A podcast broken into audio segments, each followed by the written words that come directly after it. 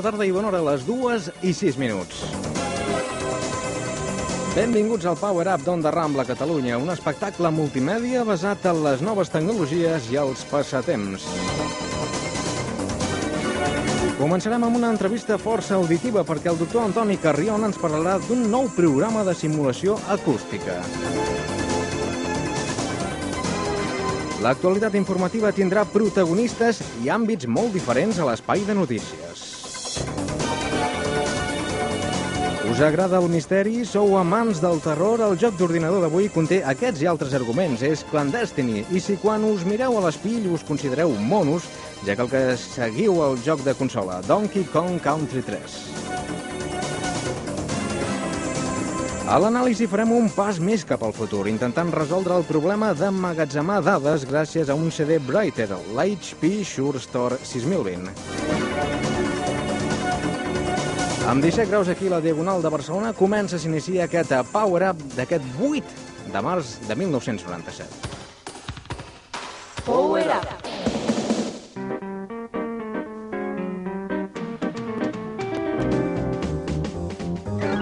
Enguany, l'Associació Catalana d'Enginyers de Telecomunicació ha guardonat amb el Premi Salvai Campillo el projecte més original, el treball implementació d'un programa de simulació acústica i d'un sistema de creació de so virtual. Programa relacionat amb el camp de les tecnologies de la informació que ha estat creat per Antoni Carrion i el seu equip. Senyor Antoni Carrion, bona tarda. Bona tarda. Molt benvingut. Gràcies. El senyor Antoni Carrion és director de l'empresa Audioscan, és doctor enginyer de telecomunicació, professor d'acústica i electroacústica del Departament del senyal, de Teoria del Senyal i Comunicacions de la UPC, és exvicepresident de la secció ibèrica de la- de l'AES, que és l'Audio Engineering Society, fou responsable de projectes en l'àrea de so de la Divisió de Telecomunicacions i Electrònica del COM92 i és autor de diversos articles en revistes i publicacions tècniques nacionals i internacionals i a més ha estat eh, ponent en convencions eh, europees i nord-americanes. Senyor Carrion, vostès han creat un programa informàtic anomenat Aura que, pel que sembla, pot resoldre i estalviar molts mals de caps als arquitectes. Exactament. Uh -huh. La idea del programa, és a dir, hi ha dues parts, bàsicament. Hi ha un programa de simulació acústica. Nosaltres partim dels plànols que ens proporciona en principi l'arquitecte, creem el model informàtic a l'ordinador i a partir d'aquí el que fem és calcular una sèrie de paràmetres acústics que ens permeten caracteritzar aquest espai. Uh -huh. Aleshores, a partir d'aquí, extraiem els valors numèrics, ho enviem a un processador digital que té una sortida d'àudio i aleshores estem en condicions de crear el que s'anomena el, el so virtual. Uh -huh. Per quin tipus de recinte està pensat aquest, aquest projecte, aquest sistema? Aquest sistema està pensat per qualsevol tipus de recinte. És a dir, pot ser una sala de conferències, pot ser un teatre, pot ser un auditori, pot ser un poliesportiu, és a dir, un espai plurifuncional. Qualsevol tipus d'espai és susceptible de ser estudiat eh, sota aquest sistema. Per tant, eh, sempre ens referim a espais tancats o oberts també podríem entrar-hi? Podíem entrar també en espais oberts. El que passa que la major part d'espais doncs, eh, són tancats, però evidentment eh, la utilitat és no, no tan sols amb espais que encara estiguin per construir, uh -huh. sinó que amb espais existents que es vulguin, per exemple, remodelar o rehabilitar. Segurament hi haurà oients que ara mateix estiguin sintonitzant-nos que desconeixen, i, i tampoc és gaire estrany el terme, auralització. Ens el pot explicar? Sí, perfectament. El terme auralització va ser encunyat per un professor de la Universitat de Chalmers, a Göteborg, a Suècia, concretament el professor Mendel Kleiner, i el va introduir concretament a principis de l'any 90, simplement per representar precisament el so virtual. És a dir, de la mateixa manera que nosaltres utilitzem el terme visualització associat a la vista, doncs ara, a partir d'ara, s'utilitza el terme d'auralització associat a, a l'audició. És a dir, de la mateixa manera que parlem de sons monoaurals o de sons binaurals, doncs d'aquí ve el nom d'auralització. Per tant, a partir d'aquest terme oralització, vostès han desenvolupat aquest sistema també. Exactament, exactament. De fet, això és el nom eh, que, amb el qual aquest senyor va batejar tot aquest procés, tot aquest sistema de creació de so virtual. L'evolució de la informàtica amb equips cada vegada més potents ha afavorit en gran manera, suposo, el desenvolupament de la realitat virtual en imatges. Ha passat també amb la, simulator, amb la simulació perdó, de so? Exactament. És a dir, nosaltres el que pretenem és donar aquest component auditiu a el que són les imatges virtuals. De fet, nosaltres, quan ens encarreguen un projecte, normalment el que fem és les dues coses. És a dir, creem les imatges virtuals i després, òbviament, les acompanyem del so virtual. eh, a fi efecte doncs, que realment el nostre interlocutor, que pot ser doncs, un ajuntament o pot ser el mateix arquitecte, pugui veure i a la vegada escoltar com sonarà aquest espai abans de ser construït o remodelat. Perquè, si més no, aquest és un aspecte doncs, força desconegut, el de la realitat virtual de so, perquè, doncs, pel que sigui, el, doncs, els diversos mitjans s'han interessat més en, potser per l'espectacularitat que representa les imatges en realitat virtual que en el so. Sí, aquest és, un, és una explicació del fenomen, però n'hi ha una altra, i és que, evidentment, nosaltres ens assentem davant de la, del televisor i les imatges doncs, les veiem, i amb una qualitat doncs, força acceptable. En canvi, amb el so això ja és diferent. Uh -huh. És a dir, amb el so, normalment, eh, nosaltres on escoltem la sala d'estar no està condicionada acústicament per fer una escolta dient. Exacte. Vol dir que, aleshores, poder mm, detectar les prestacions d'aquest sistema a nivell doncs, domèstic és més difícil. I això també doncs, ha dificultat el fet que es conegui més. Mm -hmm. Per tant, suposo que també deu ser, eh, utilitzant la terminologia que utilitzava vostè, eh, més difícil doncs, eh, aconseguir que aquesta realitat virtual mm, de so se, doncs, sigui tan real tan real com, com pot ser les imatges virtuals. Per exemple, quin grau de fiabilitat té l'oralització? No, de fet, l'oralització, el, el, el grau d'aproximació que nosaltres aconseguim jo penso que és força bo. No només ho penso, sinó que nosaltres ho hem pogut contrastar això, en tot cas doncs ja ho comentarem potser després, a través de un, tot un estudi que han fet de teatres i auditoris de Catalunya. És a dir, que està contrastat i està validat. I el que deia que quan nosaltres volem fer aquesta escolta, doncs hem de situar la persona que vol escoltar-ho en una sala condicionada acústicament o bé fer una escolta amb auriculars. Perquè si fem l'escolta en una sala convencional, uh -huh. aleshores no només sentirem aquella sala que nosaltres estem simulant virtualment, sinó que sentirem les dues, aquella més l'espai on ho estem escoltant. I, és clar, això el que fa és deteriorar el so. Clar, i per tant els resultats finals. Exactament. Eh? Per tant, diguéssim que les condicions d'escolta són més selectives, que no pas, com dèiem abans, el tema de la imatge. Uh -huh. Aquest programa ens comentava que es pot eh, aplicar, a més de, dels edificis que ja estan construïts, els que encara doncs, estan en projecte. Exactament, exactament. És a dir, com deia abans al, a l'inici, eh, nosaltres només necessitem els plànols de l'arquitecte. De fet, a veure, el sistema, quina és la utilitat fonamental?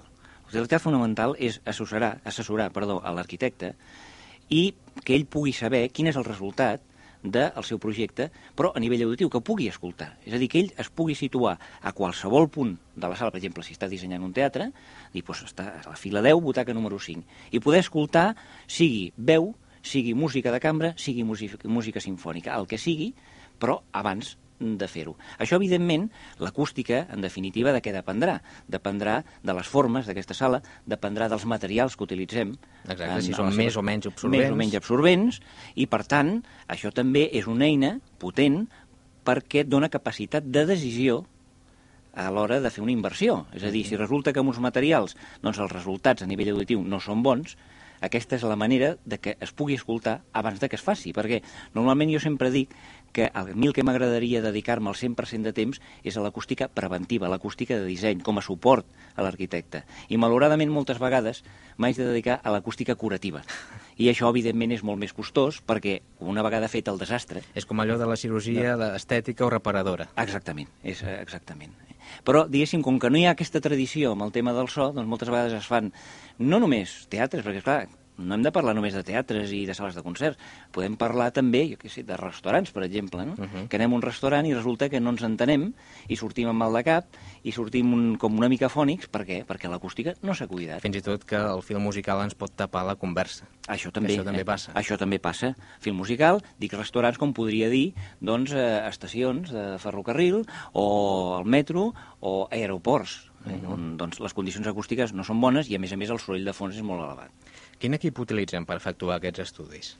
Bé, com també he comentat abans, eh, nosaltres utilitzem un programa que hem dissenyat, és a dir, des de zero, un partit de zero, i que eh, corre sobre un suport convencional, és a dir, un, sobre un PC, eh, o 486 o un Pentium.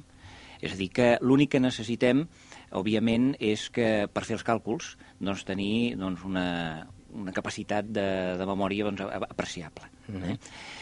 Aleshores, diguéssim, aquest programa el que fa és eh, calcular-nos els paràmetres i després utilitzem, com he dit abans també, una unitat de reverberació. Aquest processador digital no hem utilitzat un qualsevol, sinó que hem agafat un processador que és una unitat de reverberació de la casa Roland, uh -huh. també la R880, que normalment s'utilitza en estudis de gravació, per fer efectes. Aleshores el que hem fet és reconduir, és a dir, veure quines són les seves prestacions, veure quines poden ser d'utilitat per la, el que és l'acústica arquitectònica. Per l'aplicació tècnica, diguem. Per l'aplicació que a nosaltres doncs, ens interessa.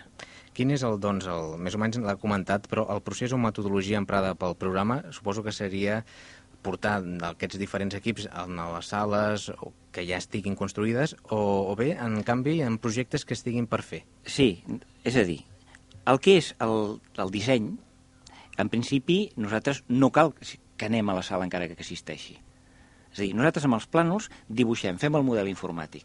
Aleshores, en aquest model informàtic li assignem, per exemple, una sèrie de materials. O sigui, les formes ja les tenim donades uh -huh. perquè l'arquitecte ens les dona. Assignem una sèrie de materials a les diferents superfícies, a les parets, al sostre, al terra. I aleshores, a partir d'aquí, és quan el programa realitza uns càlculs, càlculs de temps de reverberació, càlcul de claredat musical, càlcul d'intel·ligibilitat de la paraula, a nivell numèric. Són xifres. Nosaltres ja sabem quines xifres hem d'assolir a fi efecte que l'acústica sigui la bona. I aleshores el que anem fent a nivell de disseny és anar modificant les formes i els materials fins a aconseguir el resultat desitjat. Una vegada ho tenim, doncs això és el que podem després escoltar. És el que es processa. És el que després es processa i podem escoltar en definitiva. També podem escoltar les fases intermitges. Dir, escolta, si, com deia abans, si posem aquest material, com sonarà la sala? Doncs sonarà d'aquesta manera. I si en canvi d'aquest material que, doncs, que és absorbent en posem un de reflectant, quin canvi es produirà? en els diferents punts. Quin canvi es produirà a platea? Quin canvi es produirà en l'amfiteatre? Aleshores això no només calcular-ho, sinó que ho podem escoltar. Per tant, estic pensant que això també suposa un gran estalvi econòmic de cara a veure si un material doncs, ens pot ser més convenient o no i a més a l'hora de desplaçar-se per efectuar les proves, ja que es poden fer des del mateix, des del mateix punt. Exactament. O sigui, l'estalvi econòmic és, eh, penso jo, elevadíssim perquè permet prendre decisions sense necessitat de dur-ho a terme. Exacte. I per tant, evidentment, doncs això... Eh, bueno, el problema, en definitiva, és el fet que la gent conegui que existeix l'eina. Una vegada ho ha conegut, pràcticament ja queda convençut de la utilitat, de la gran utilitat que té. Suposo que el camp de la investigació avança mm, depenent dels recursos de què es disposa. Evidentment. Més que res, li dic això perquè eh, en la famosa festa de, de les telecomunicacions, a la qual doncs, vam poder també assistir part de, de l'equip d'aquest programa, vostè, al, a l'acceptar doncs, aquest guardó mm, del Premi Salvai Campillo, doncs va fer referència en això. És, és important que es conegui, que es conegui, però també és important que s'inverteixin diners per tal de desenvolupar-ho. Exactament. Jo penso que en aquest cas, no són, malauradament, tampoc som l'excepció, això passa en molts camps. Ja sabem doncs, que el tema de recerca, malauradament, doncs, no està com hauria d'estar en el nostre país. Però bé, eh, nosaltres seguim, mirem cap endavant i sempre intentem veure el vas mig ple, mai mig buit. Estem molt lluny en referent a altres països de, de la Unió Europea en, en aquest sentit. Malgrat doncs, la mancança de recursos, jo podria dir que aquest sistema és totalment comparable a altres sistemes que existeixen arreu, no només a nivell de comunitat europea, sinó a nivell també d'Estats de, Units, per exemple. Uh -huh. I, per tant, des del punt de vista de, de prestacions i de resultats finals, és totalment comparable. Per tant, imaginin-se, si, si amb pocs recursos ja fan aquests programes, tenint-ne molts ja hauria ser impressionant. No, jo penso, el resultat final seria el mateix, el que passa que potser no patiríem tant com ara. Uh -huh. És evident, no? perquè els recursos els hem de treure d'on podem, i de l'altra manera doncs, ja ens vindrien donats.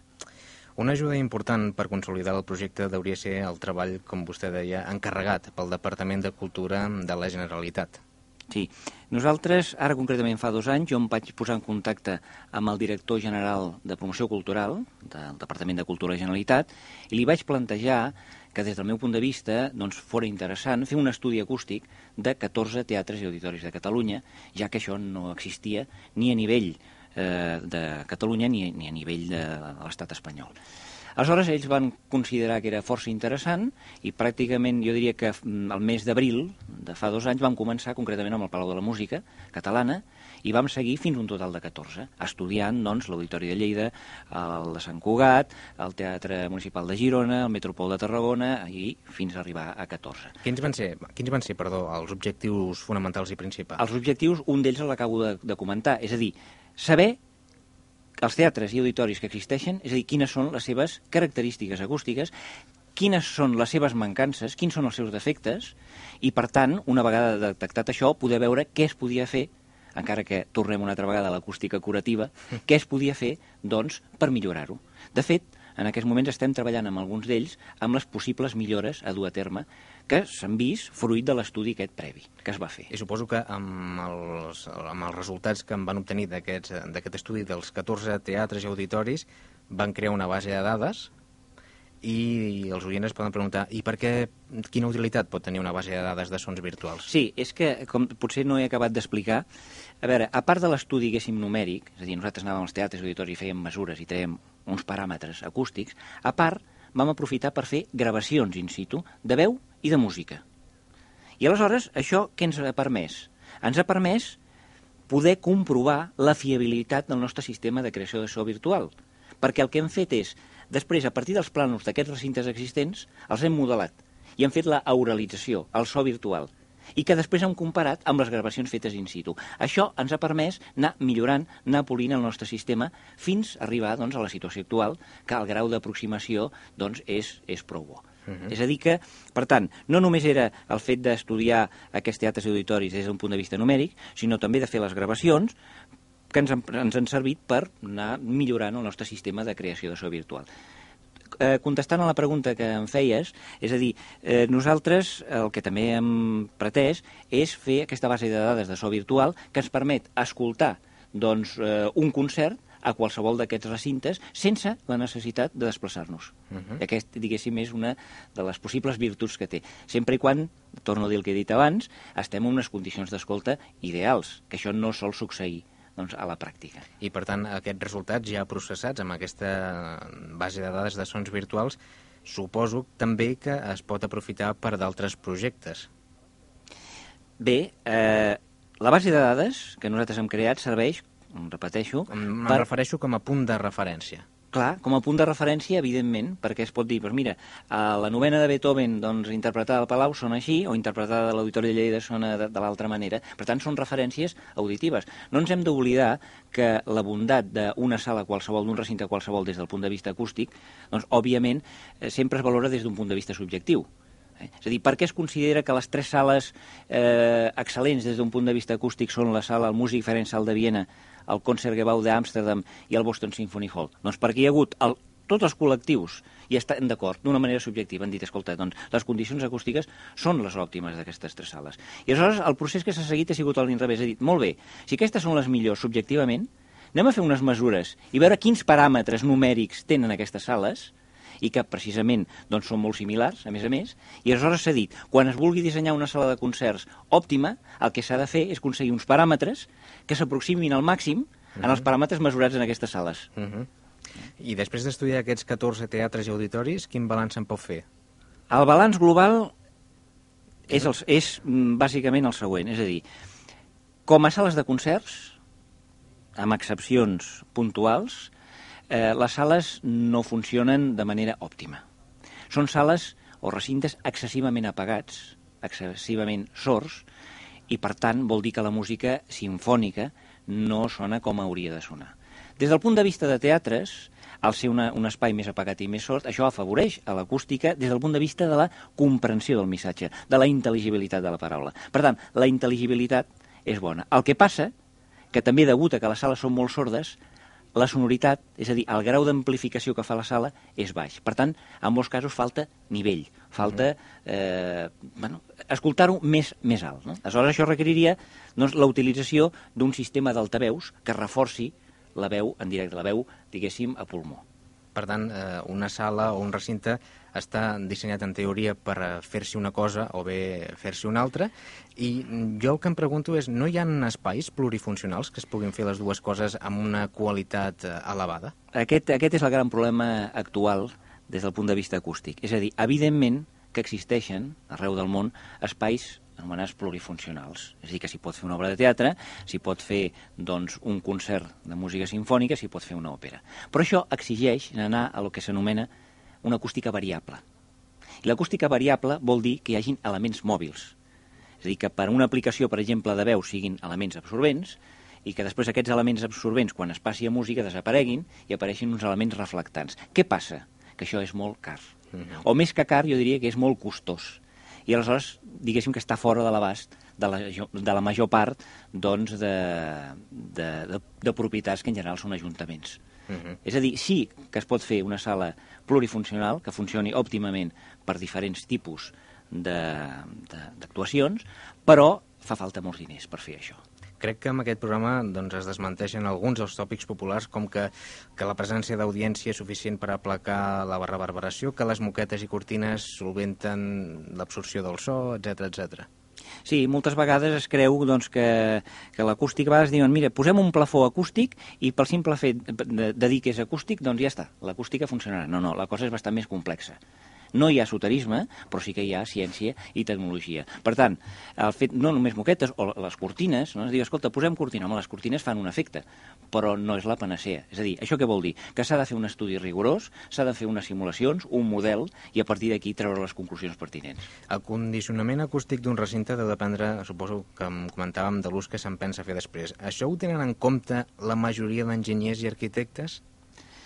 A veure, els arquitectes normalment quan fan un espai, doncs, eh, evidentment no hi ha arquitectes, bueno, potser n'hi haurà algun, però en general els arquitectes no estan especialitzats a fer, per exemple, teatres o sales de concert. Els arquitectes fan doncs, els projectes que eh, els hi encarreguen. No?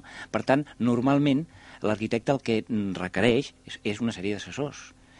I un assessor és l'assessor acústic, que per exemple doncs, a fora d'Espanya està consolidat. La figura de l'acústic consultant eh, Anglaterra o Estats Units o de l'acusticien a França està consolidat des de fa més de 25 anys. Per tant, ja és normal i habitual. Exacte. Aquí no. Eh? Però ja dic que no només és l'acústic, perquè després hi ha doncs, el tècnic, o sigui, el consultor eh, escenògraf, eh, hi ha doncs, el tècnic d'estructures, etc etc etc. L'arquitecte lidera per mi el projecte, però necessita doncs, tot un equip perquè el resultat sigui l'òptim. Ens queden tres últimes preguntes. Un dels edificis emblemàtics de Catalunya és el Palau de la Música, i pel que hem sabut, sembla que l'arquitecte Domènec i Montaner l'hauria dissenyat pel que s'interpreta actualment o no? A veure, el resultat, diguéssim, objectiu, a base de les mesures que nosaltres vam realitzar en el seu dia, el que demostra és que el Palau de la Música, globalment, és una sala excessivament apagada per música sinfònica. En canvi, és més adient per cant coral o per música de cambra. De fet, Domènec Montaner, doncs, evidentment, quan va fer el Palau, la finalitat fonamental era l'Orfeó català. Per tant, a mi em fa pensar això, tot i que no hi ha res escrit al respecte de si sabia o no sabia acústica, que realment, si més no, ho va encertar des d'aquest punt de vista. Mm. Però ja dic, el fet de que sigui un espai relativament petit per la quantitat de localitats que té fa que sigui excessivament apagat i per tant que no sigui òptim, això no vol dir que sigui dolent, simplement que no és òptim per música sinfònica. Un dels grans reptes que van tenir fou l'acondicionament de tot un parc temàtic. Sí, concretament el parc temàtic de Port Aventura. Aquí van fer tots els estudis eh, de condicionament acústic dels diferents espais, teatres, espais també semioberts, i després de tot el tema de sonorització, és a dir, perquè després de l'acústica ve la electroacústica, és a dir, la utilització d'altaveus, com dèiem abans, doncs una vegada tenim l'espai que funciona bé acústicament, doncs normalment el que s'ha de fer és posar altaveus per aconseguir una bona cobertura i uns bons nivells i una bona intel·ligibilitat. I Això segons, és el que van fer a I segons em comentava abans el micròfon tancat, encara hi estan treballant en un altre projecte en el mateix parc. Bé, sí, és un projecte ara més petit, hi ha hagut una ampliació del parc, hi ha una nova atracció, que és una muntanya russa de fusta, i aquí doncs, ens han encomanat que féssim l'estudi del nou sistema de sonorització d'aquesta atracció. Avui en dia estan treballant en un auditori que es construirà a Tenerife. Sí, concretament és l'auditori, o sigui, l'autor del projecte és l'arquitecte Santiago Calatrava, ell va fer un estudi acústic i a nosaltres ens va arribar l'encàrrec de fer, perdó, un estudi acústic, l'estudi arquitectònic, Sembla ser que també havia encarregat un estudi acústic, però se'ns va demanar que féssim un estudi acústic acompanyat també de la auralització corresponent.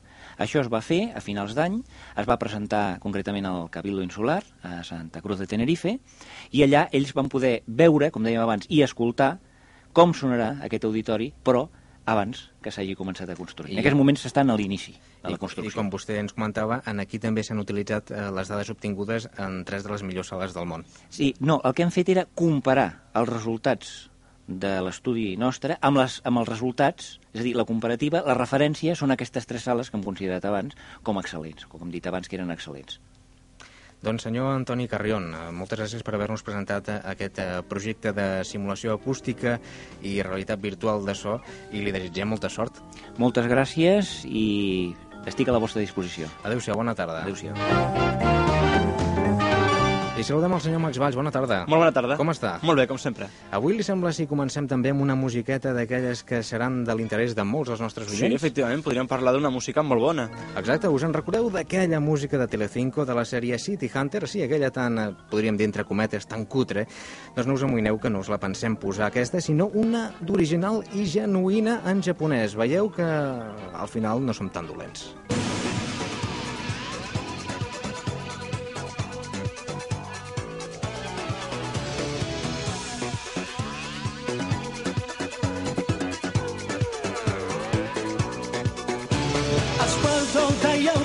つけながら暗闇走り抜ける。渋なスリルに身を任せて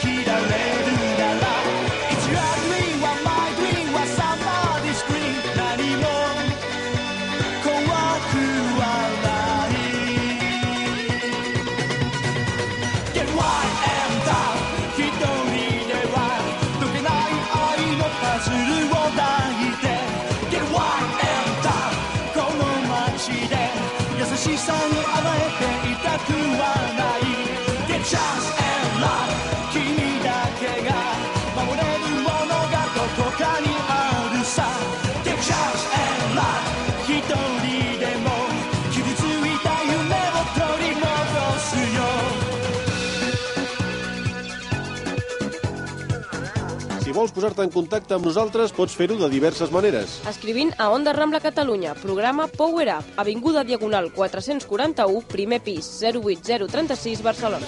A l'e-mail powerup arroba lleida.net p o w e r u p ensaïmada lleida.net Enviant un fax al 410 66 62 410 66 62. i durant tota la setmana deixant-nos les vostres consultes, dubtes i suggeriments al contestador 93 388 26 47 388 26 47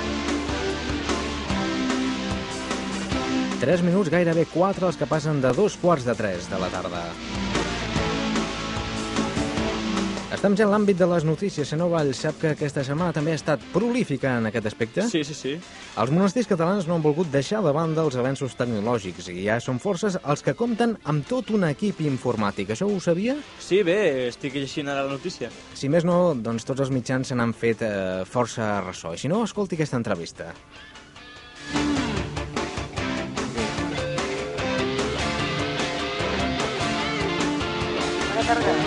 Seva, I a l'altra banda del fil telefònic tenim a Glòria Noguer, que és responsable d'informàtica del monestir de Santa Maria de Vallbona. Bona tarda. Bona tarda. La seva tasca demostra que hi ha una clara voluntat d'adaptació cap als nous avenços per part de les comunitats religioses, no? Bé, si em deixa dir una cosa, Digui'm. jo crec que la, la societat en general té un desconeixement força important del que és un monestir. I per això potser s'ha no sé, quedat una mica així esturat de que treballem en informàtica i així, no? Llavors, la nostra vida és una vida senzilla, de pregària i de treball, però això no vol dir que no valorem en la mesura necessària i usem dels avenços de la tecnologia, eh? Si més no, ha sigut tota una repercussió social eh, a partir d'una entrevista que va sortir al diari La Vanguardia, doncs eh, aquesta, eh, el fet d'estar informatitzades, no? Sí, cregui'm que jo vaig quedar la primera parada, perquè els hi vaig dir als periodistes de La Vanguardia que jo crec que no tindria cap ressò, això. I vaja, l'endemà mateix va començar a sortir a telefonants a dues cadenes de televisió, ràdios de tota Espanya, eh? una cosa que ens hem quedat parades perquè nosaltres ho vivim amb, molt natu amb molta naturalitat.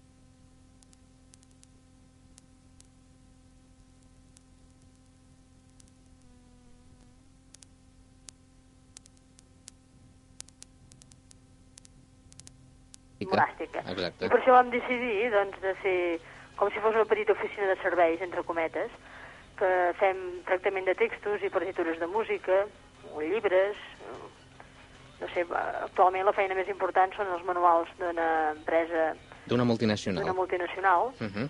o sigui que això és una feina ba- bastant fixa, i llavors, a més a més, doncs, altres coses més esporàdiques com poden ser llibres o alguna persona que vulgui publicar alguna cosa i també partitures de música. Els ordinadors s'han convertit en la primera font d'ingressos. Bé, és cert, però quan sento aquesta paraula font d'ingressos mm, me sona una mica gros, no? Perquè nosaltres, en la nostra vida, no necessitem gaire per viure, però sí, dintre de la, de la nostra economia és la primera font d'ingressos. Uh -huh. No corren per això el perill de caure a l'espiral del consumisme? Bé, sí, però no per als ordinadors. Jo penso que això és un perill a qualsevol cosa, no? També amb electrodomèstics podria ser, no? Uh -huh. Llavors mirem, eh, en quant a l'equip informàtic, doncs mirem de, de tenir els programes actualitzats i tenir l'equip que necessitem, però eh, en seny i segons les necessitats. I les altres feines tradicionals les han deixat en segon terme? Sí, però també hi ha monges que les continuen fent perquè així també tenen un treball en què sentir-se útil i poder-se doncs, realitzar i col·laborar també a l'economia de la comunitat. Quines són aquestes feines? Bé, hi ha una monja que pinta estampes de primeres comunions o batejos i felicitacions de Nadal. Després fan ceràmica, així és força important i bonica. Després, una cosa que també és, penso, original, tenim una novícia que és pintora, i llavors, doncs, a la seva a mesura que el temps de formació li deixa i així, doncs, pinta els quadres, com pintava abans. O sigui, tot això també ens ajuda.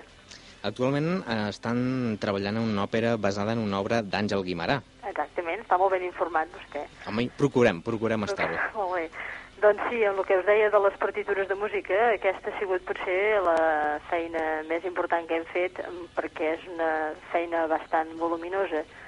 Es tracta de l'òpera Terra Baixa del compositor actual eh, Salvador Puello, que és catedràtic del Conservatori del Liceu i encara, evidentment, no està estrenada. Llavors hem fet la partitura de director d'orquestra, que són 770 pàgines, amb totes les partitxeles dels músics i bueno, la reducció de piano pels cantants. Bé, Déu-n'hi-do. Déu-n'hi-do, i tant. Déu-n'hi-do, sí. El dar... Sí, digui'm, digui'm. No, no, que inclús per això també la, el mes passat una, es va estrenar una obra al Palau de la Música, també, eh, el dia 6 de febrer per 16 actes, Uh -huh. que també estaven fetes aquí les partitures. El darrer pas que els queda pendent deu ser tenir una web a internet. Sí, evidentment. Eh, crec que molt aviat, no li puc dir quan, però molt aviat eh, tindrem una pàgina a internet perquè ens hem pensat bastant per el que dèiem abans del consumisme, no? Mhm. Perquè si realment era una cosa útil o més mm, perquè, doncs, perquè tothom ho fa o per quedar bé, no? I hem, hem decidit que sí, que fora bo perquè Suposo que seria una eina prou important per donar a conèixer el monestir arreu, no? donaríem a conèixer el monestir i no amb la vessant del treball, doncs gràcies a Déu no ens n'ha faltat mai, sinó el monestir més aviat la seva, en el seu caire espiritual i artístic. Jo no sé si ho coneix vostè, Doncs no tinc el gust. No. però doncs, si un dia vol venir, és un monestir del segle XII, eh, o sigui, té tota una part romànica i, i gòtica, mm, certament important, amb un claustre molt bonic, una església, i llavors doncs, aquesta vessant jo penso que és important, inclús perquè també té molt a veure amb tota la cultura i la tradició de la història de Catalunya. Doncs Glòria Noguer, responsable d'informàtica del monestir de Santa Maria de Vallbona, moltes gràcies per aportar-nos aquests comentaris i molta sort. A vosaltres. Adéu-siau, bona adéu, tarda. Adéu. Senyor Valls, ja ho veu que potser tenim una imatge falsa creada de, de la gent que està en els monestirs, Sí, no? sí, tot el contrari. Sembla que estan molt informatitzats i molt ben organitzats. L'Associació Espanyola d'Arbitratge Tecnològic s'ha convertit en la primera institució espanyola en admetre sol·licituds d'arbitratge a través d'internet. Per això hem convidat el senyor Xavier Ribas, que el tenim també a l'altra banda del fil telefònic. Bona tarda. Hola, bona tarda. Quina és la finalitat d'aquesta web? doncs, eh, la que vosaltres heu dit, rebre qualsevol sol·licitud d'arbitratge sobre controvèrsies que surtin a dins de la xarxa, amb, amb operacions de comerç electrònic, per exemple, o qualsevol altra divergència, o també conflictes que puguin sortir a la vida presencial. Davant de la saturació que pateixen els tribunals de justícia, deuen agilitar força els tràmits burocràtics amb aquest eh, sistema, suposo. Sí, aquest és un sistema de resolució de problemes de forma privada i que el, el plaç màxim que dura segons els estatuts i el, i el Codi d'Arbitec és de 3 mesos. O sigui que si una demanda habitual amb, amb una via judicial pot estar durant doncs, de un a dos anys i sense comptar amb els recursos d'apel·lació, etc doncs eh, en, en tres mesos és una, un, un temps molt, molt interessant, no? Tinc entès que el Comitè de Ministres del Consell d'Europa ha recomanat als estats membres que potencien les juntes de- d'arbitratge. Sí, ho han recomanat perquè és una via alternativa a la saturació de, de l'administració de justícia de tots els països europeus. Si ara mateix hi ha un ciutadà que vol intentar solucionar un problema mitjançant la via telemàtica, quin procediment haurà de seguir? Doncs simplement dirigir-se al web d'Arbitec, que és la http dos punts barra barra triple w i després punt onnet.es i, i allà ja trobarà uns formularis i en aquests formularis podrà plantejar el problema de la controvèrsia i seguir tot el procediment arbitral fins al final eh, a través de la xarxa. Per tant, ja hi ha uns formularis creats en els quals nosaltres doncs, podem introduir el que ens hagi passat. Exacte. Legalment té el mateix valor eh, un dictamen fet a través de les autopistes de la informació?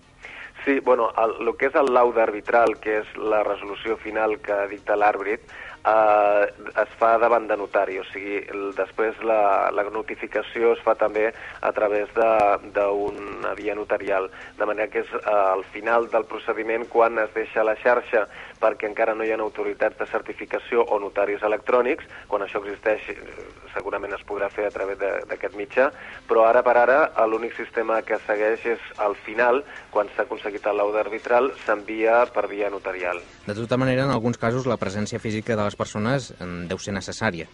En principi no és necessari, eh, tret dels casos en què hi ha una sol·licitud de prova testifical o prova de confessió o una prova que requereixi la presència de les parts, el qual eh, facilita la possibilitat de que persones d'arreu del país puguin arribar a sol·licitar i a practicar aquests arbitratges. I la pregunta subsegüent que se'n desprèn és si es podria solventar aquest fet amb les videoconferències. Sí, perfectament. Si hi hagués una acreditació de que la persona que parla és efectivament la que realment diu ser, a través d'un sistema doncs, d'un notari d'una persona que dongui fe de que efectivament ho és, o hi ha algun sistema previ d'identificació, eh, no hi hauria cap problema en practicar una prova testifical o de confessió a través de, video, de videoconferència. Doncs, eh, senyor Xavier Ribas, eh, de l'Associació d'Arbitratge Tecnològic, moltes gràcies per haver-nos aportat totes aquestes informacions al respecte i molta sort. Gràcies a vosaltres. Adéu-siau, bona tarda. Adéu, bona tarda. Tres quarts de tres. Seguim endavant.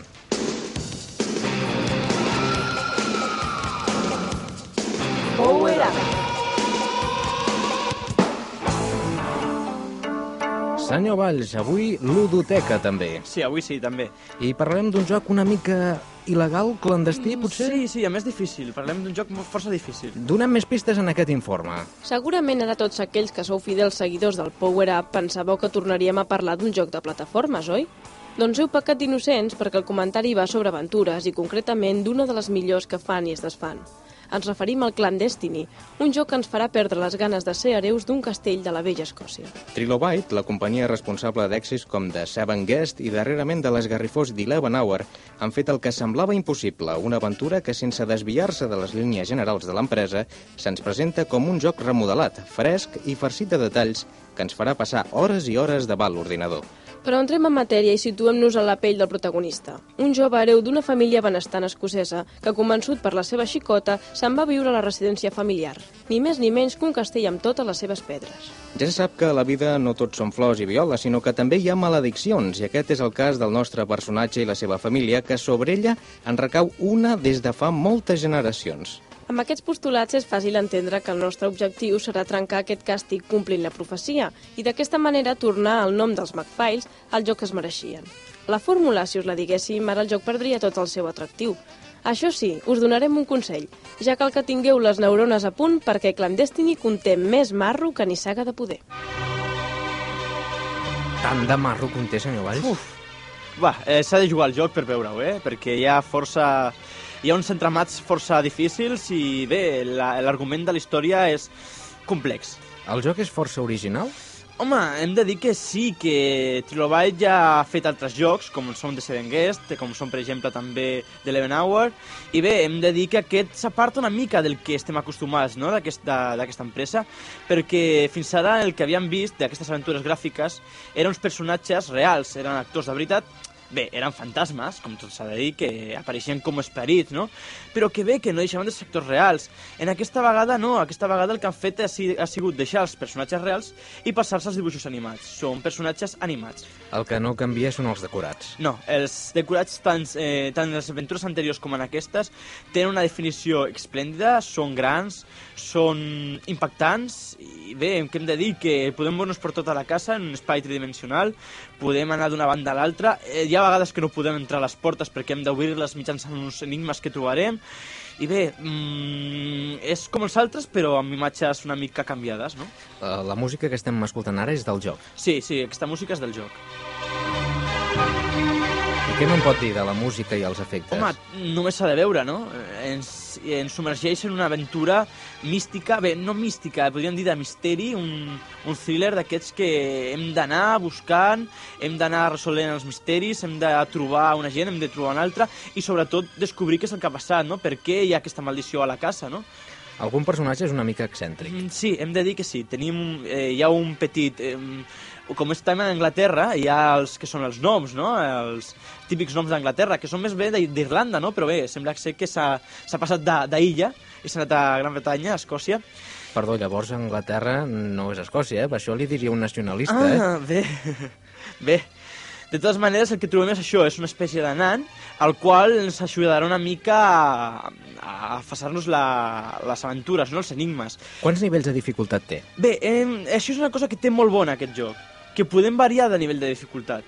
És a dir, que hi ha fins a, to, fins a tres nivells de dificultat, de forma que si veiem que, a la primer, que el nivell de dificultat hard, que seria el més difícil, és massa difícil per nosaltres, podem baixar-lo una mica i així serà una mica més fàcil passar els enigmes. Mhm. De totes maneres, això consisteix en que bé, els enigmes siguin més fàcils o que eh, es puguem resoldre més enigmes sense tenir que utilitzar la ment. O sigui, que se'ls resolguin aquest nan que hem comentat. Doncs ara el que utilitzarem és eh, l'altre informe que tenim preparat pel joc de consola. És aquest l'informe. Els més avasats a les consoles sabran que Mario, aquell famós lampista d'origen italià inspirat en el conegut Antonio Vinuesa, va néixer en un videojoc que ha passat a formar part dels clàssics, Donkey Kong. Per aquest motiu, Nintendo no ha volgut oblidar la seva alta estella, un primat que situat en una plataforma llançava barrils contra nosaltres com un desesperat. Evidentment, la nostra comesa és esquivar-lo i seguir endavant, fet que no sempre resultava fàcil. Així va néixer Donkey Kong Country, on per fi l'estrella no era el lampista, sinó el goril·la i un petit mico anomenat Didi. Aquest darrer ja havia tingut l'honor de compartir cartell a Donkey Kong Country 2 amb una autèntica monada anomenada Dixie, una mona una mica primirada amb els seus cabells rossos. A Donkey Kong Country 3 tenim com a protagonista el Dixie Kong i a un petit nadó de goril·la anomenat Kiddy Kong, que per ser de goril·la molt, però de petit res de res. La nostra missió és trobar el Didi i el Donkey Kong, ja que sembla que s'han perdut allà on Chris va perdre l'espardenya. Però després d'haver vist quién sabe dónde, el més probable és que estiguin retinguts contra la seva voluntat, o si us estimeu més, que estiguin segrestats. Aquest és l'argument d'aquest magnífic joc per a la Super Nintendo, on abunden els personatges renderitzats plens de bon humor en els successius nivells. Precisament per aquest motiu se'ns planteja una pregunta clau. Tenen futur els jocs de 16 bits amb l'aparició de la Nintendo 64? Aquesta pregunta última que fèiem, mm, quina resposta podem donar-li, Home, senyor Valls? hem de dir que sí, o sigui... Tenen prou esperança de vida? Home, eh, sempre hi ha aquesta, aquesta duda, no? No sabem, aquest dubte, millor dit. Hem de dir que segurament s'enfonsarà. Uh -huh. Però bé, mai se sap. Anem pel joc al Donkey Kong Country 3. Els gràfics són totalment renderitzats. Efectivament, i a més de, hem de dir que estan plens de colors. No només els gràfics dels personatges que es mouen, no? Eh, sinó que també tenen molta vivesa de colors, sobretot els backgrounds. Eh, com has dit molt bé, estan totalment renderitzats i tenen un color mm, d'aquells més vius perquè en comparació de consoles de, de 16 bits, la, entre la Super Nintendo i la que seria la Mega Drive, hem de dir que els colors, la paleta de colors de la, de la Super Nintendo és molt millor. I bé, tot això, a més de comentar que les animacions són esplèndides. Les músiques i els efectes no sembla que siguin de 16 bits. No, la veritat és que no, estem una mica sorpresos. Ja ens va sorprendre una mica quan vam veure el primer Donkey Kong, que bé, va ser llançat com una bomba. La veritat sigui dita que quan va sortir el primer Donkey Kong, això de tenir gràfics renderitzats en una consola de 16 bits, estava una mica per veure, no? Encara no ens ho creiem bé. I ara quan tenim ja la tercera part, o sigui, la tercera part de la saga, estem encara més acostumats a veure-ho i ja no ens sorprèn tant, perquè estem més acostumats a veure consoles d'última generació. Suposo que al ser doncs, una tercera part d'aquest joc, el Donkey Kong, eh, deu tenir in- innovacions. Sí, mm, comentem, per exemple, oh, hi ha uns ossos, uns, uns ossets que apareixen, que ens van donar objectes, no? I a més també ens donen consells per poder passar les pantalles. Com són plataformes, moltes vegades s'hi haurem d'anar per dalt o per baix, o depenent per on eh, haguessin d'anar, no? I això, aquests ossos ens poden donar i ens poden facilitar molta, molt la feina. I a més a més hem de dir que també hi ha nous personatges que no apareixien en les sagues anteriors. En definitiva, com podríem denominar-lo, aquest joc? Home, jo ho definiria com un joc divertit i molt addictiu i que, a més a més, diríem que és re recomanable. Doncs amb aquests últims comentaris anem directament a una altra secció, li sembla? Molt bé. 7 minuts i les 3.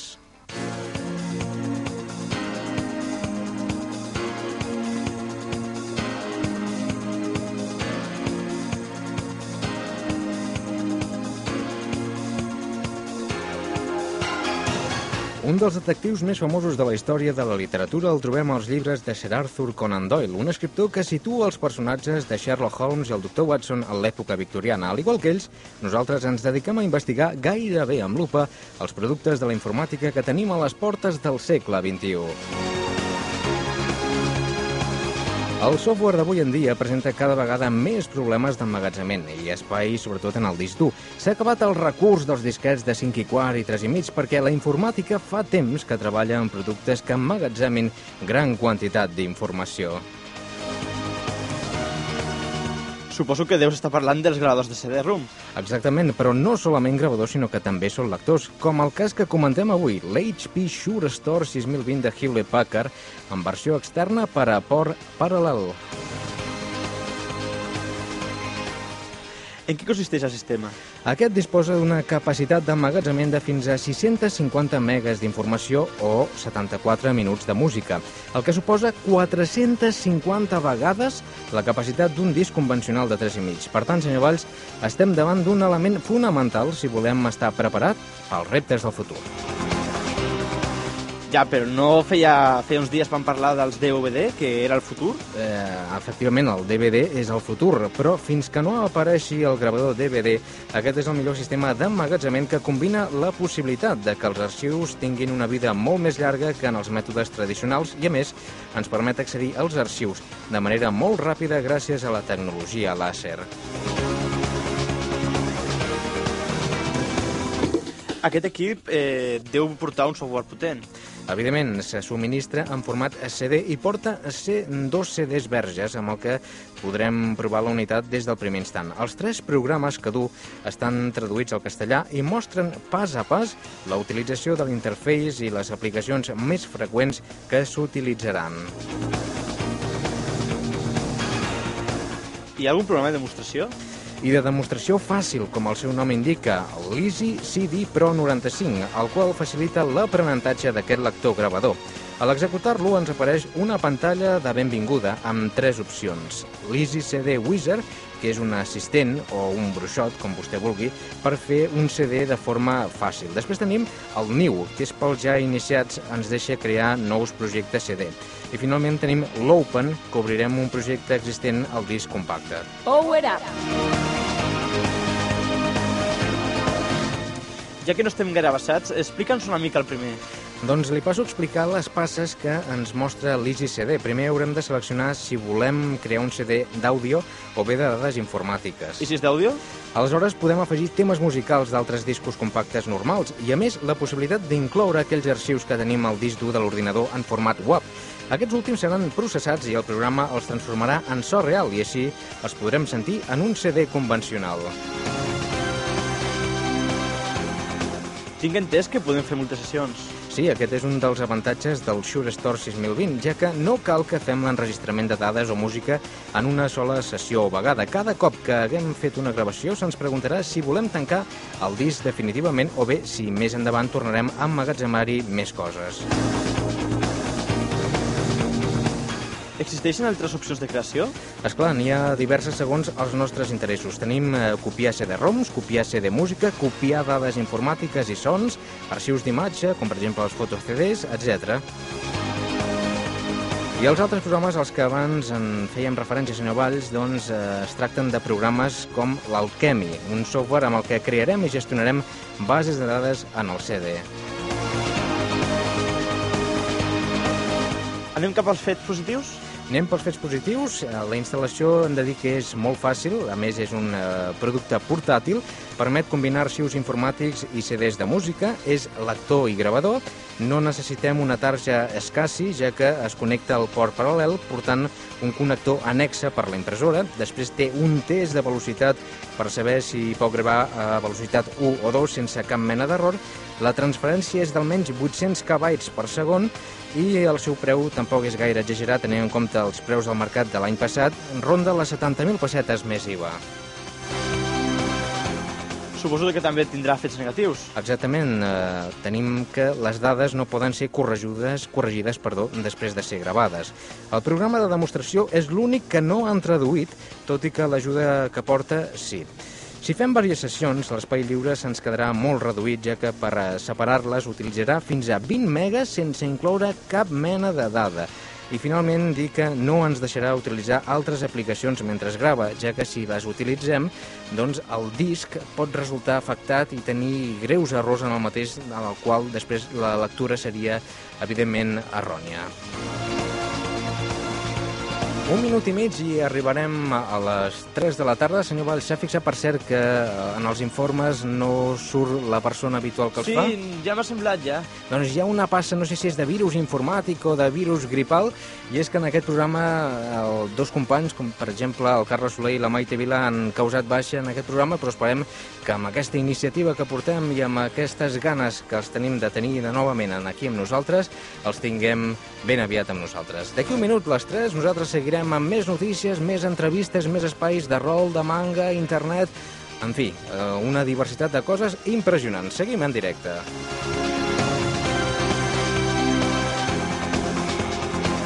La informàtica i els videojocs, el manga i el rol tenen un nom. Power Up.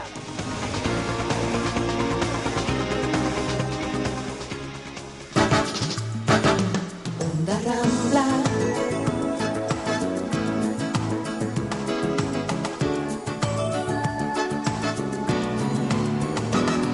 la rambla.